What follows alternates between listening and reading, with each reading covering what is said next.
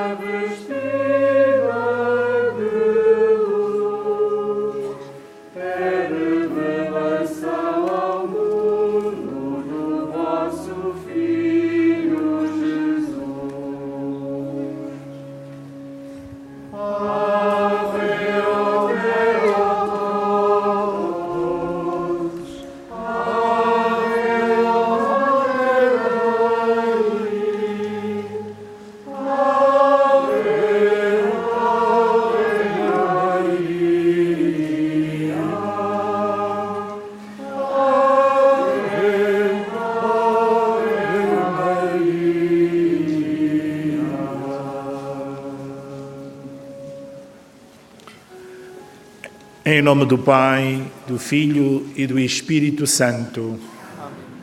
A graça e a paz de Deus, nosso Senhor, o amor do Pai, a comunhão do Espírito Santo estejam convosco. Ofereço-vos, ó meu Deus, em união com o Santíssimo Coração de Jesus e por meio do coração imaculado de Maria, as minhas orações e obras deste dia, em especial o terço, em reparação de todas as ofensas e por todas as intenções pelas quais o mesmo Divino Coração está continuamente intercedendo e sacrificando-se em nossos altares. Amém.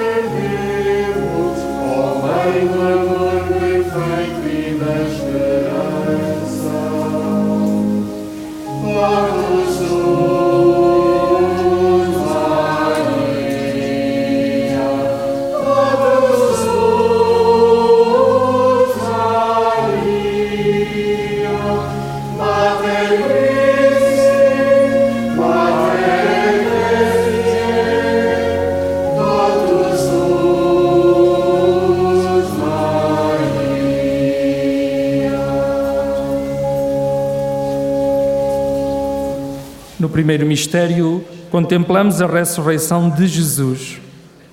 Porque buscais o vivente entre os mortos. Não está aqui, ressuscitou. Lembrai-vos de como vos falou quando ainda estava na Galileia, dizendo que o Filho do Homem havia de ser entregue às mãos dos pecadores, ser crucificado e ressuscitar ao terceiro dia. Oferecemos este mistério por todos os pedidos de oração dos ouvintes da Rádio Maria. Pater noster, qui es in celis, sanctificetur nomen tuum, adveniat regnum tuum, fiat voluntas tua, sicut in cielo et in terra. O pão nosso, cada dia, nos dai hoje. Perdoai-nos as nossas ofensas, assim como nós perdoamos a quem nos tem ofendido. E não nos deixeis cair em tentação, mas livrai-nos do mal. Ave Maria, gratia plena, Dominus tecum, benedicta tu in mulieribus, et benedictus fructus ventris tui, Iesus. Santa Maria, Mãe de Deus, rogai por nós, pecadores, agora e na hora da nossa morte. Amém. Ave Maria, gratia plena, Dominus tecum, benedicta tu in mulieribus, et benedictus fructus ventris tuis, Iesus. Santa Maria, Mãe de Deus, rogai por nós, pecadores, agora e na hora da nossa morte. Amém. Ave Maria, gratia plena, Dominus tecum, benedicta tu in mulieribus, et benedictus fructus ventris tui, Iesus. Santa Maria, Mãe de Deus, rogai por nós, pecadores, agora e na hora da nossa morte. Ave Maria, gratia plena, Dominus tecum, benedicta tu in mulieribus, et benedictus fructus ventris tui, Iesus. Santa Maria, Mãe de Deus, rogai por nós, pecadores, agora e na hora da nossa morte. Amém. Ave Maria, gratia plena, Dominus tecum, benedicta tu in mulieribus, et benedictus fructus ventris tui, Iesus. Santa Maria, Mãe de Deus, rogai por nós, pecadores, agora e na hora da nossa morte. Amém. Ave Maria, gratia plena, Dominus tecum, benedicta tu in mulieribus, et benedictus fructus ventris tui, Iesus. Santa Maria, Mãe de Deus, rogai por nós, pecadores, agora e na hora da nossa morte. Amém. Ave Maria, gratia plena, Dominus tecum, benedicta tu in mulieribus, et benedictus fructus ventris tui, Iesus. Santa Maria, Mãe de Deus, rogai por nós, pecadores, agora e na hora da nossa morte. Amém.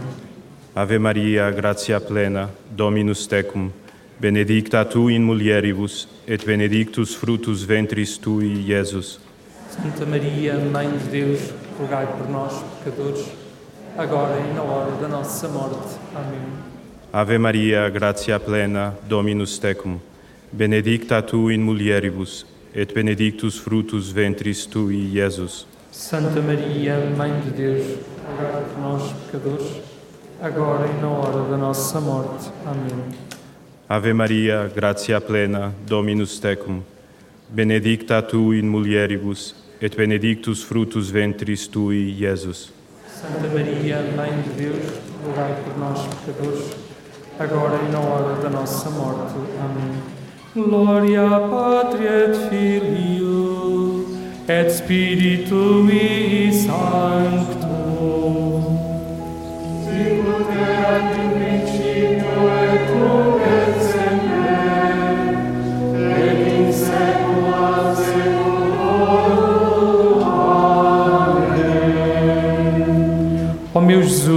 perdoai-nos e livrai-nos do fogo do inferno.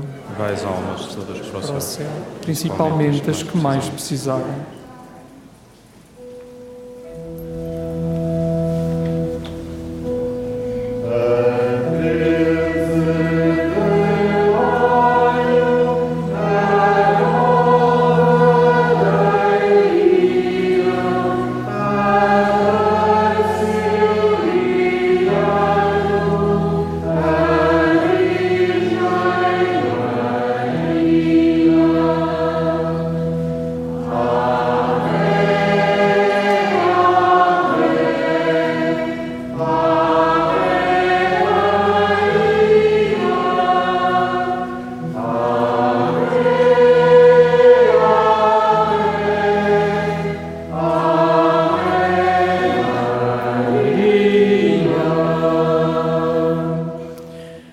No segundo mistério, contemplamos a ascensão de Jesus ao céu. Quando os apóstolos estavam reunidos com Jesus, perguntaram-lhe: Senhor, será agora que vai restaurar o reino para o povo de Israel? Jesus respondeu: Não vos pertence a vocês saber a ocasião ou o dia que o Pai fixou com a sua autoridade. Porém, receberão o poder do Espírito Santo que descerá sobre vós, e sereis minhas testemunhas em Jerusalém, por toda a Judeia e Samaria, até aos lugares mais distantes do mundo. Depois de dizer isto, foi elevado ao céu à vista deles, e uma nuvem encobriu-o, de modo que já não o viram mais. Eles continuavam com os olhos fixos no céu, depois de Jesus se afastar.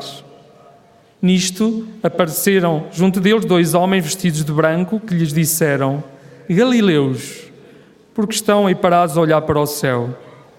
Este mesmo Jesus que viram afastar-se de vós para o céu, voltará da mesma maneira que agora o viram subir. Oferecemos este mistério para que os povos reconheçam a Cristo como Senhor, rezando pelo fim da pandemia, para que haja paz e justiça no mundo. Rezamos juntos. Pai nosso que estais nos céus, santificado seja o vosso nome. Venha a nós o vosso reino. Seja feita a vossa vontade, assim na terra como no céu. Pane nostrum quotidianum da nobis hodie, et debite nobis debita nostra, sicut nos dimitibus debitoribus nostris, et ne nos inducas in tentationem, sed libera nos a malo. Amém. Ave Maria, cheia de graça, o Senhor é convosco. Bendita sois vós entre as mulheres, bendito é o fruto do vosso ventre, Jesus. Santa Maria, Mater Dei, ora pro nobis peccatoribus, nunc et in hora mortis nostri. Amém. Ave Maria, cheia de graça, o Senhor é convosco. Bendita sois vós entre as mulheres, bendito é o fruto do vosso ventre, Jesus. Santa Maria, Mater Dei, ora pro nobis peccatoribus, nunc et in hora mortis nostri. Amém. Ave Maria, cheia de graça, o Senhor é convosco. Bendita sois vós entre as mulheres, e bendito é o fruto do vosso ventre, Jesus. Santa Maria, Mater Dei, ora pro nobis peccatoribus, nunc et in hora mortis nostri. Amém. Ave Maria, cheia de graça, o Senhor é convosco. Bendita sois vós entre as mulheres, bendito é o fruto do vosso ventre, Jesus. Santa Maria, Mater Dei, ora pro nobis peccatoribus, nunc et in hora mortis nostri. Amém. Ave Maria, cheia de graça, o Senhor é convosco. Bendita sois vós entre as mulheres, e bendito é o fruto do vosso ventre, Jesus.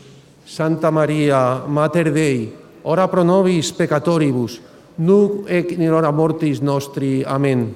Ave Maria, cheia de graça, o Senhor é convosco. Bendita sois vós entre as mulheres, bendito é o fruto do vosso ventre, Jesus. Santa Maria, Mater Dei, ora pro nobis peccatoribus, nunc et in hora mortis nostri. Amém. Ave Maria, cheia de graça, o Senhor é convosco. Bendita sois vós entre as mulheres, bendito é o fruto do vosso ventre, Jesus. Santa Maria, Mater Dei, ora pro nobis peccatoribus, nunc et in hora mortis nostri. Amém. Ave Maria, cheia de graça, o Senhor é convosco. Bendita sois vós entre as mulheres, bendito é o fruto do vosso ventre, Jesus. Santa Maria, Mater Dei, ora pro nobis peccatoribus, nunc et in hora mortis nostri. Amém. Ave Maria, cheia de graça, o Senhor é convosco. Bendita sois vós entre as mulheres, bendito é o fruto do vosso ventre, Jesus. Santa Maria, Mater Dei, ora pro nobis peccatoribus, nunc et in hora mortis nostri. Amém. Ave Maria, cheia de graça, o Senhor é convosco. Bendita sois vós entre as mulheres, e bendito é o fruto do vosso ventre, Jesus. Santa Maria, Mater Dei, ora pro nobis peccatoribus, nunc et in hora mortis nostri. Amém. Gloria Patri et Filio et Spiritui Sancto, sicut erat in principio et nunc et semper,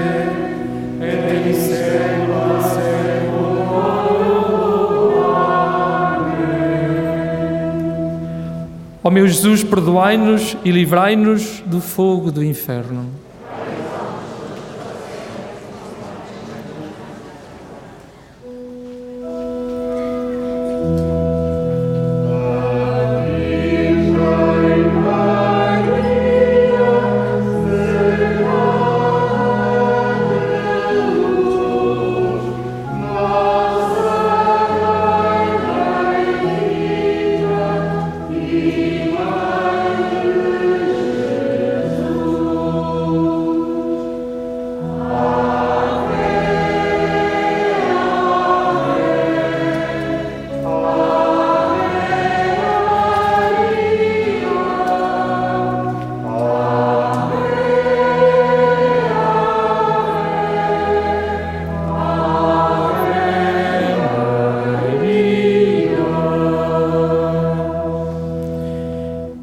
Terceiro mistério, contemplamos a descida do Espírito Santo sobre Nossa Senhora e os apóstolos.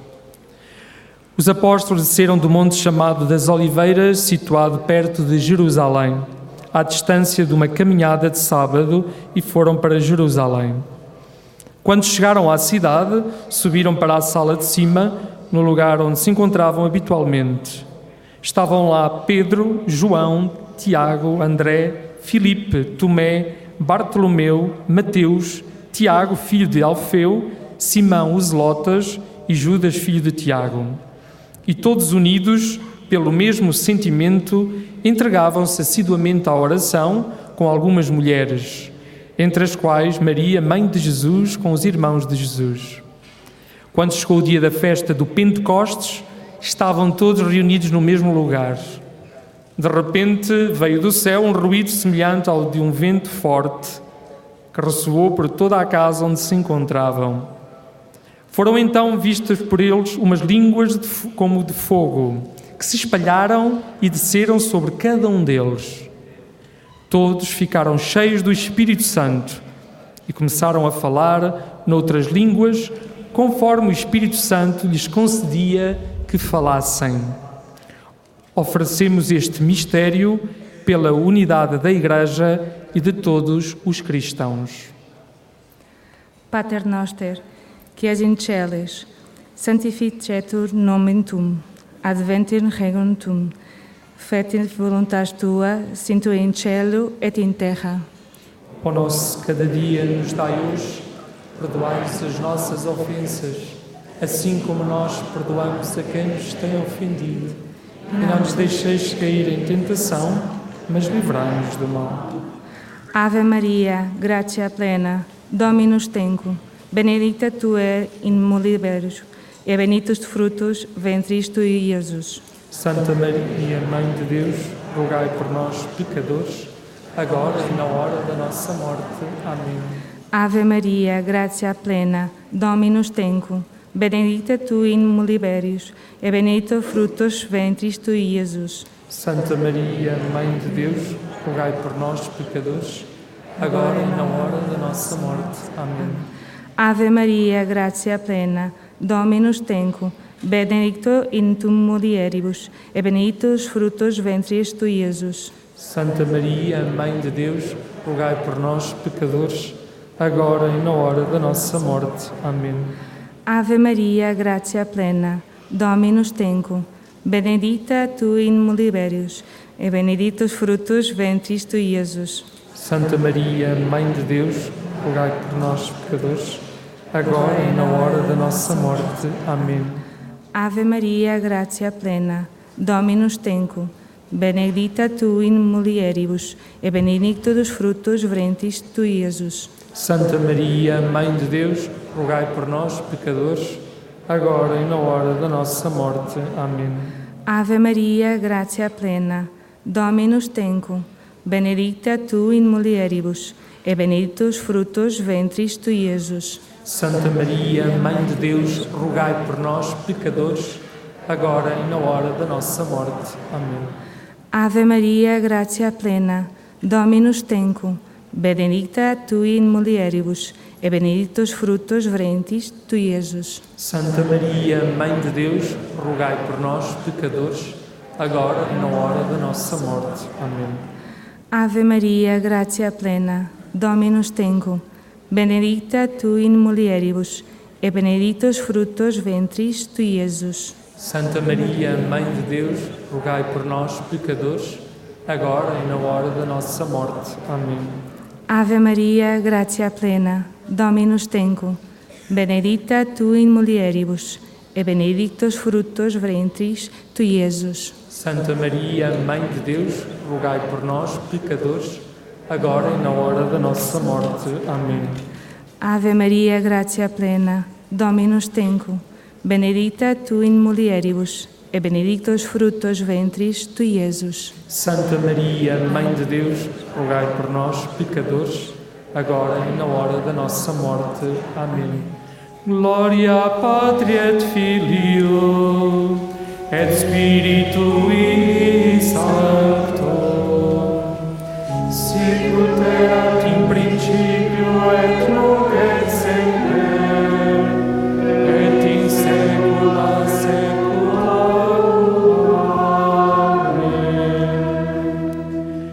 Ó meu Jesus, perdoai-nos e livrai-nos do fogo do inferno.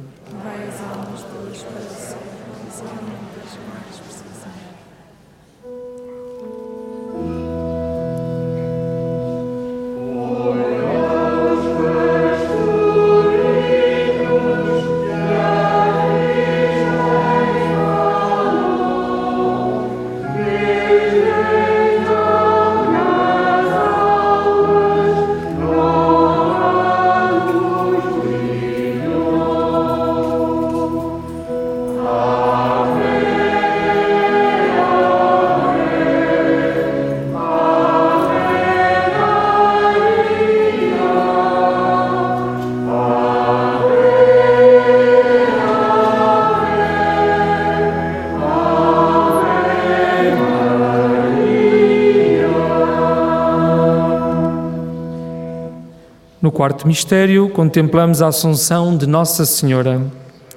Maria exclamou: De hoje em diante me chamarão bem-aventurada todas as gerações, porque o Todo-Poderoso fez em mim maravilhas.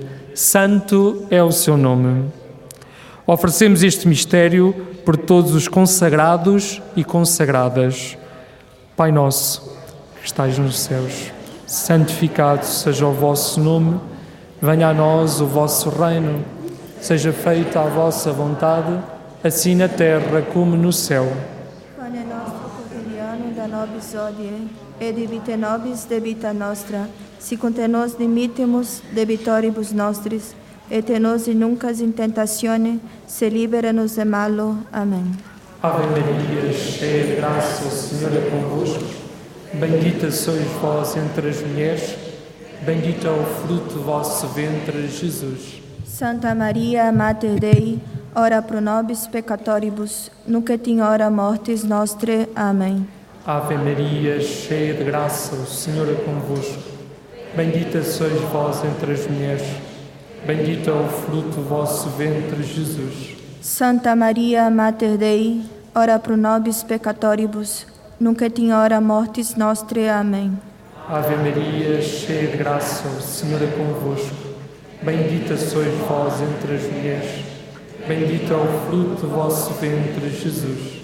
Santa Maria, Mater Dei, ora pro nobis peccatoribus, nunc et in hora mortis nostre. Amém. Ave Maria, cheia de graça, o Senhor é convosco. Bendita sois vós entre as mulheres, bendito é o fruto do vosso ventre, Jesus. Santa Maria, Mater Dei, ora pro nobis peccatoribus, nunc et in hora mortis nostre. Amém. Ave Maria, cheia de graça, o Senhor é convosco. Bendita sois vós entre as mulheres, bendito é o fruto do vosso ventre, Jesus. Santa Maria, Mater Dei, ora pro nobis peccatoribus, nunc et in hora mortis nostre. Amém. Ave Maria, cheia de graça, o Senhor é convosco. Bendita sois vós entre as mulheres, bendito é o fruto do vosso ventre, Jesus. Santa Maria, Mater Dei, ora pro nobis peccatoribus, nunc et in hora mortis nostre. Amém. Ave Maria, cheia de graça, o Senhor é convosco. Bendita sois vós entre as mulheres, bendito é o fruto do vosso ventre, Jesus. Santa Maria, Mater Dei, ora pro nobis peccatoribus, nunc et in hora mortis nostre. Amém. Ave Maria, cheia de graça, o Senhor é convosco. Bendita sois vós entre as mulheres, bendito é o fruto do vosso ventre, Jesus. Santa Maria, Mater Dei, ora pro nobis peccatoribus, nunc et in hora mortis nostre. Amém. Ave Maria, cheia de graça, o Senhor é convosco. Bendita sois vós entre as mulheres, e bendito é o fruto do vosso ventre, Jesus. Santa Maria, Mater Dei, ora pro nobis peccatoribus, nunc et in hora mortis nostre. Amém. Ave Maria, cheia de graça, o Senhor é convosco. Bendita sois vós entre as mulheres, e bendito é o fruto do vosso ventre, Jesus. Santa Maria, Mater Dei, ora pro nobis peccatoribus, nunc et in hora mortis nostre. Amém. Gloria Patria et Filio et Spiritui Sancto Sicut erat in principio et nunc et semper et in saecula saeculorum.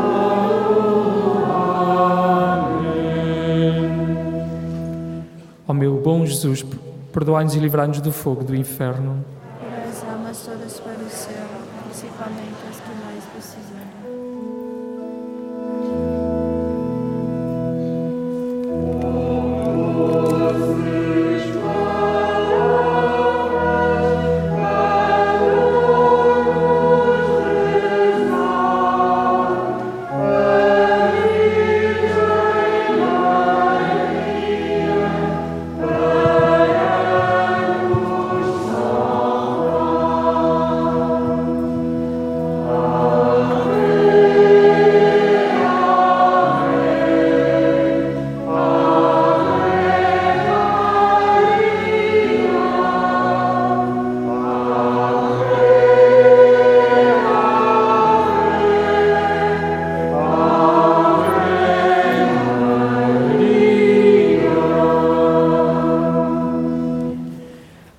Mistério, contemplamos a coroação de Nossa Senhora como Rainha dos Anjos e dos Santos.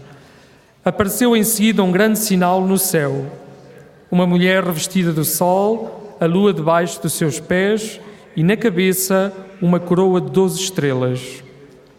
Oferecemos este mistério pelos ouvintes, voluntários e benfeitores da Rádio Maria em todo o mundo. Pater noster, qui es in celis, sanctificetur nomen tuum, advenia regnum tuum, fiat voluntas tuas, sicut in cielo et in terra.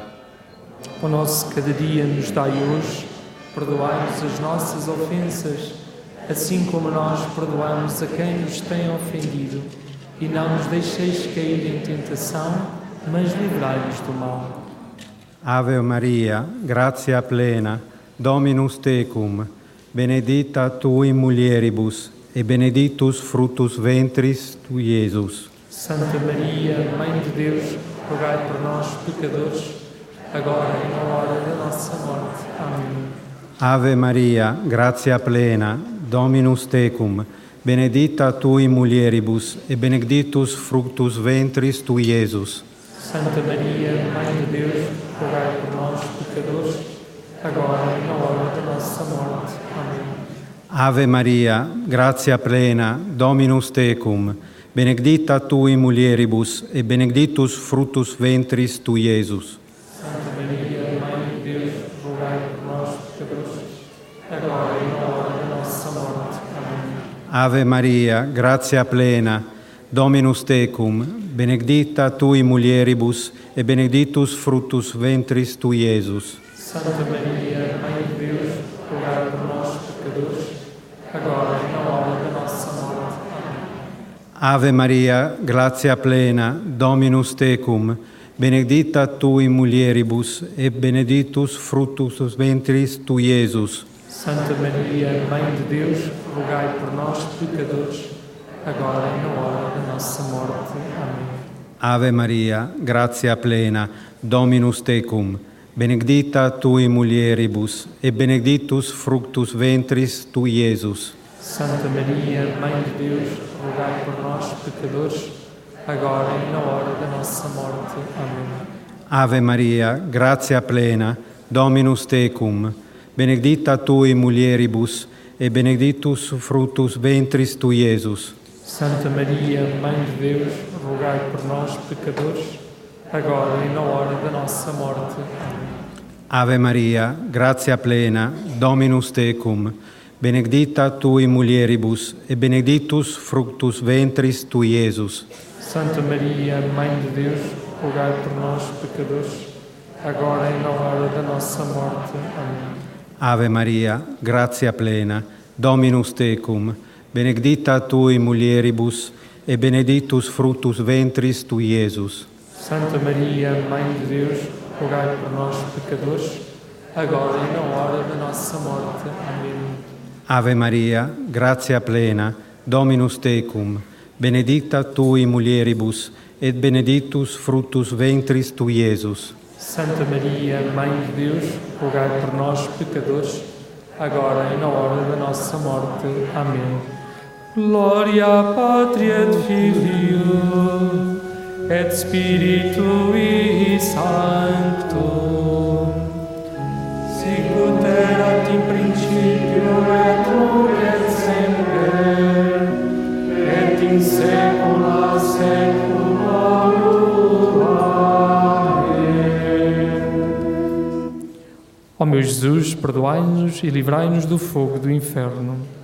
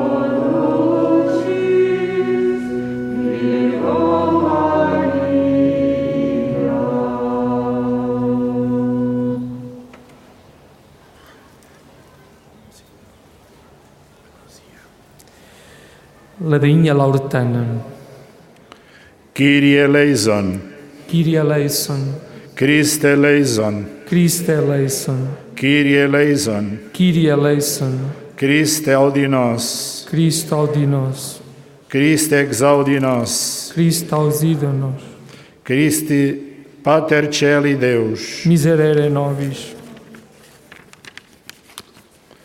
Filii Redemptori Mundi Deus, miserere nobis, Spiritus Sancte Deus, miserere nobis, Sancta Trinati, Sancta Trinitas Unus Deus, miserere nobis.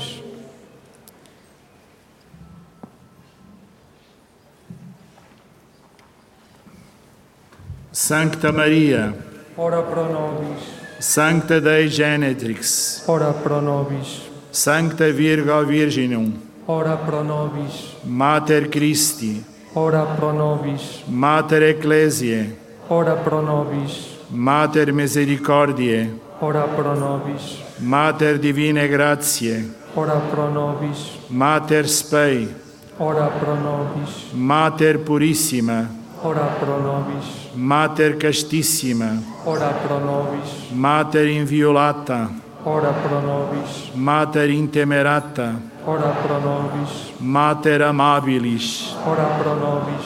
Mater Admirabilis, Ora pro nobis. Mater Boni Consilii, Ora pro nobis. Mater Creatoris, Ora pro nobis. Mater Salvatoris, Ora pro nobis. Virgo Prudentissima, Ora pro nobis. Virgo Veneranda, Ora pro nobis. Virgo Predicanda, Ora pro nobis. Virgo Potens, Ora pro nobis. Virgo Clemens, Ora pro nobis. Virgo Fidelis, Ora pro nobis. Speculum Justitiae, Ora pro nobis. Sede Sapientiae, Ora pro nobis. Causa Nostre Laetitiae, Ora pro nobis. Vase Spirituale, Ora pro nobis. Vase Honorabile, Ora pro nobis. Vase Insigne Devotionis, Ora pro nobis. Rosa Mística, Ora pro nobis. Turris Davidica, Ora pro nobis. Turris Eburnia, Ora pro nobis. Domus Aurea, Ora pro nobis. Federis Arca, Ora pro nobis. Ianua Celi, Ora pro nobis. Stella Matutina, Ora pro nobis. Salus Infermorum, ora pro nobis. Refugium peccatorum, ora pro nobis. Solatium migra migrantium, ora pro nobis. Consolactris afflictorum, ora pro nobis. Auxilium Christianorum, ora pro nobis. Regina Angelorum, ora pro nobis. Regina Patriarcharum, ora pro nobis. Regina Prophetarum, ora pro nobis. Regina Apostolorum, ora pro nobis. Regina Martyrium, Ora pro nobis. Regina Confessorum, Ora pro nobis. Regina Virginum, Ora pro nobis. Regina Sanctorum Omnium, Ora pro nobis. Regina sine lab originale concepta, Ora pro nobis. Regina in cielo assumpta, Ora pro nobis. Regina Sanctissimi Rosari, Ora pro nobis. Regina Familiae, Ora pro nobis. Regina Pacis. Ora pro nobis.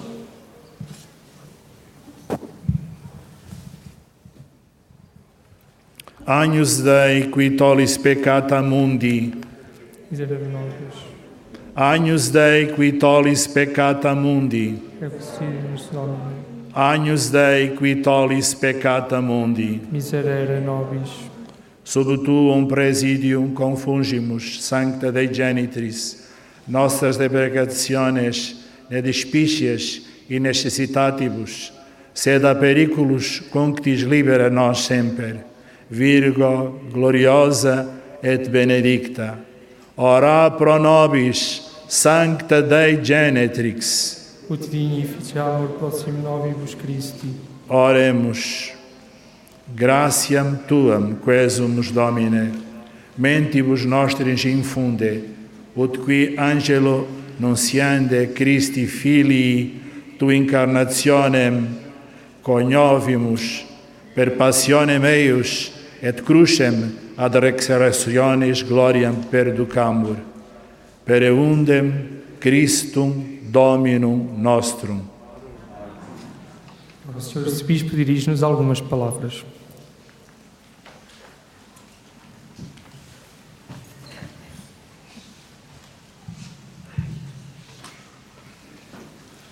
dirigindo esta mensagem da Cova da Iria a cerca de 80 nações que sintonizam neste momento o terço aqui da Capelinha das Aparições, neste santuário da Cova da Iria, santuário da paz, altar do mundo, manifestamos a nossa profunda alegria neste dia 13 de maio. O evangelista São João o apóstolo predileto, apresenta Maria duas vezes no seu Evangelho. Somente duas vezes. No início e no final da sua vida pública, ou seja, nas bodas de Caná e no Gólgota junto à cruz.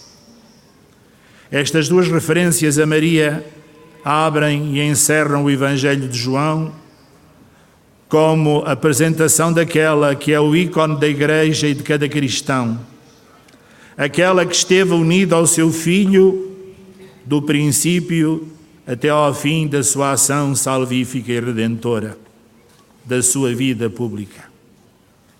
É curioso pensar que, segundo a tradição e a investigação histórica, João é o único apóstolo do qual não temos fontes seguras de martírio como existem sobre todos os outros apóstolos.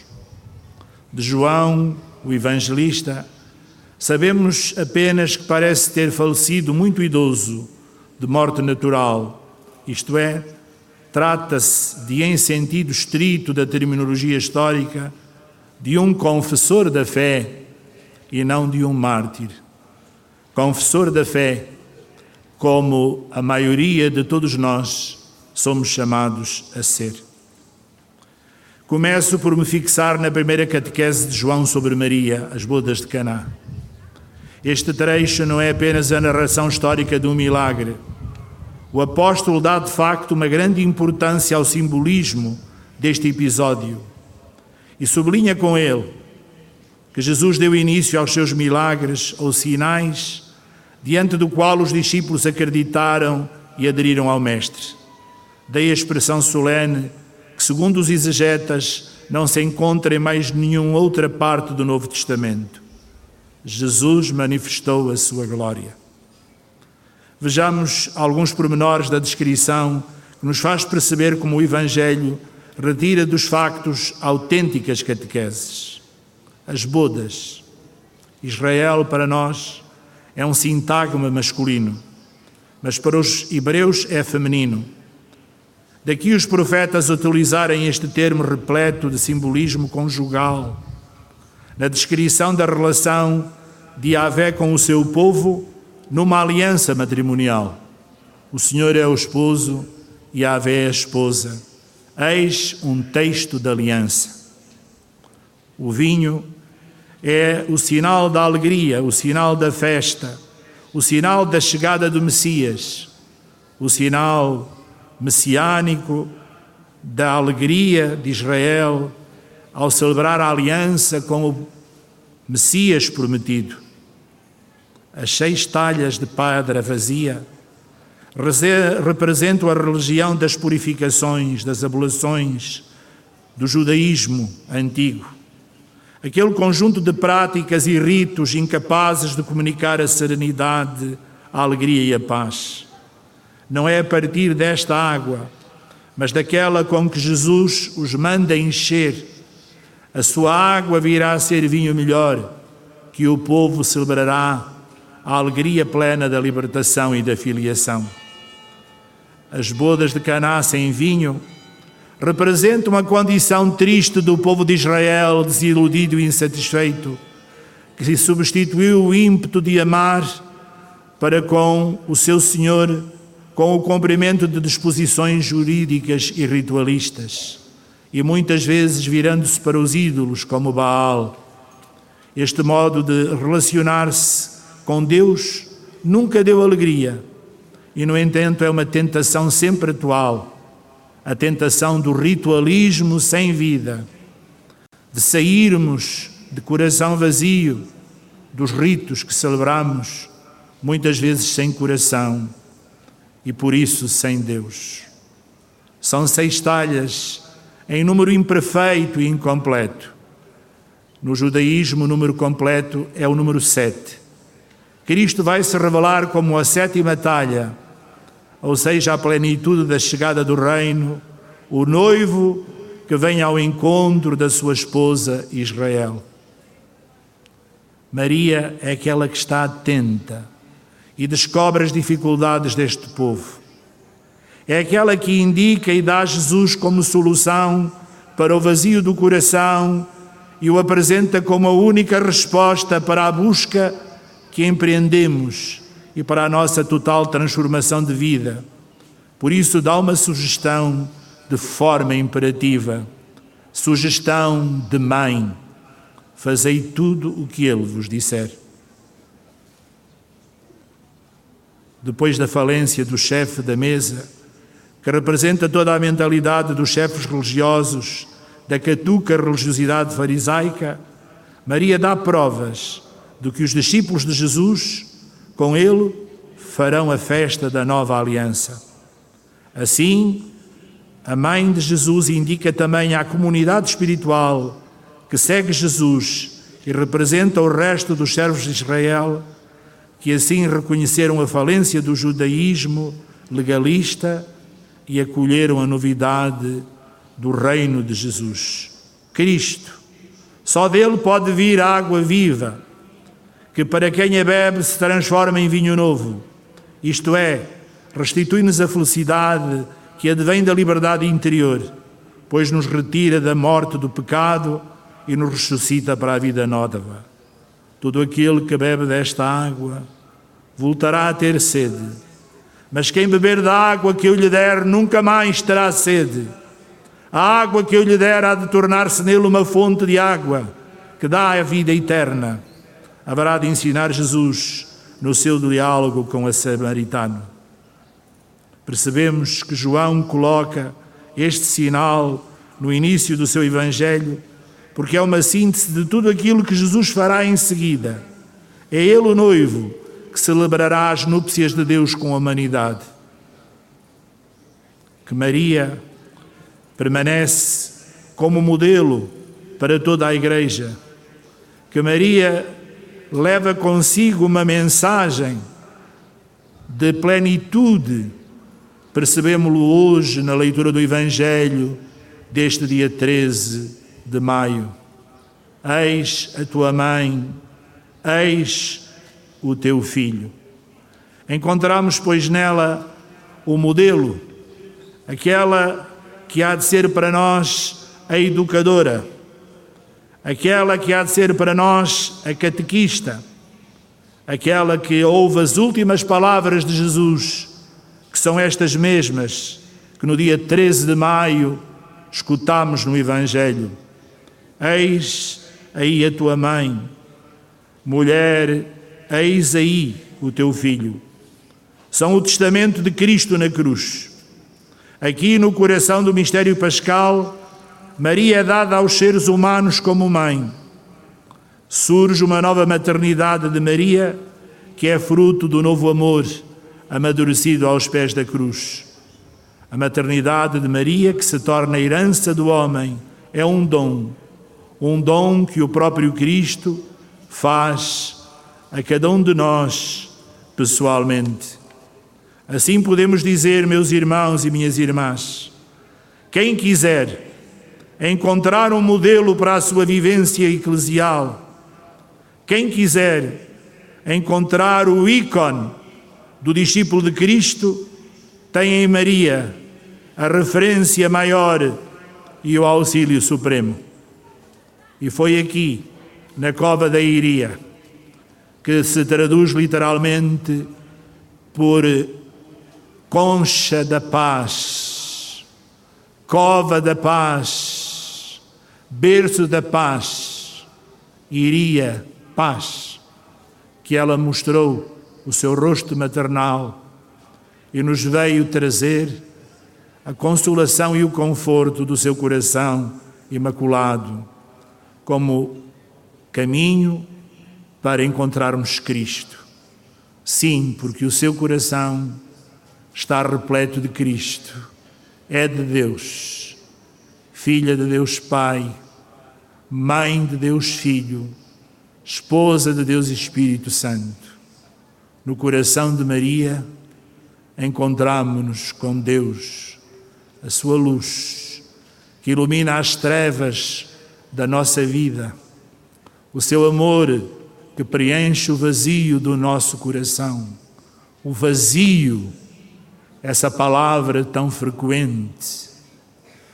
Aí encontramos no amor o sentido para amarmos os outros com o amor que somos amados por Deus, descobrindo na beleza desse amor o amor novo para darmos àqueles que de coração vazio, em solidão e escuridão, tantas vezes se cruzam conosco. Mãe, que pelas tuas mãos amorosas e ternas, aquelas que acolheram Jesus, as primeiras que tocaram no Verbo encarnado e o depositaram nas palhas da manjedoura de Belém, que eu queira sempre ser portador dessas mãos, como pastor, bispo, como cristão batizado, que tem por missão a missão. Pastor é aquele que vive todos os dias a sua dimensão de discípulo missionário que eu tenha às tuas mãos o teu colo e os meus ombros disponíveis para carregar os que precisam, para contigo acarinhar e curar cada ovelha ferida, cada ser humano só, e depois dos primeiros socorros, levá-las ao teu filho Jesus, a fim de que ele cresça e eu diminua. Dá-nos, Senhora, como mãe, a todos nós cristãos a arte de acolher e consolar.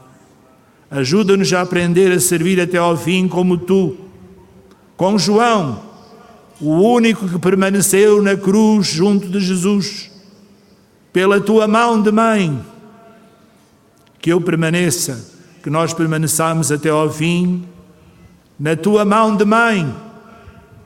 Mãe, fica com cada um de nós na humildade e pobreza da nossa casa, o nosso coração, para que no teu sim nos abramos à beleza da misericórdia do Pai, revelada por teu Filho na unidade do Espírito Santo, tal qual como João te levou para a sua casa. Amém.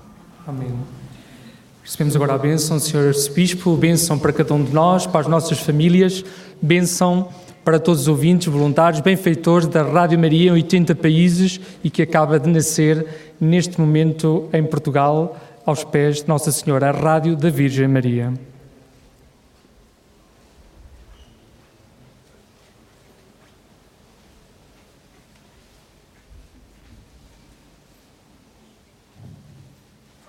O Senhor esteja convosco.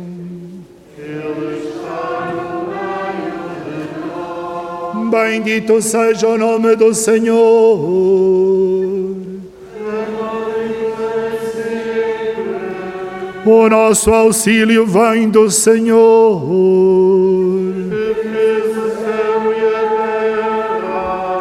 Abençoe-vos o Deus Todo-Poderoso, Pai, Filho e Espírito Santo.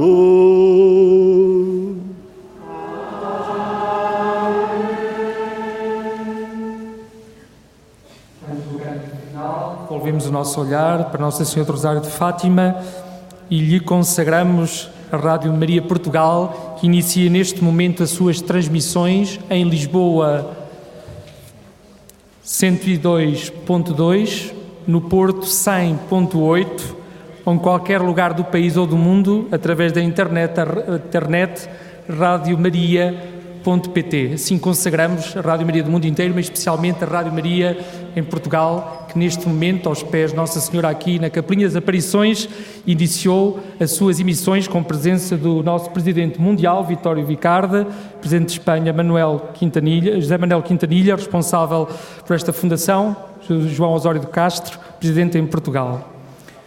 Ó Senhora minha, Ó minha mãe, eu me ofereço a toda vós, em missão para convosco, vos consagro neste dia para sempre, meus olhos, meus ouvidos, a minha boca, meu coração, e inteiramente todos os seus, que assim sou vossa, minha palavra, guardai a minha vida, depois da liberdade vossa, lembrai-nos da gente eternamente, Senhor nossa,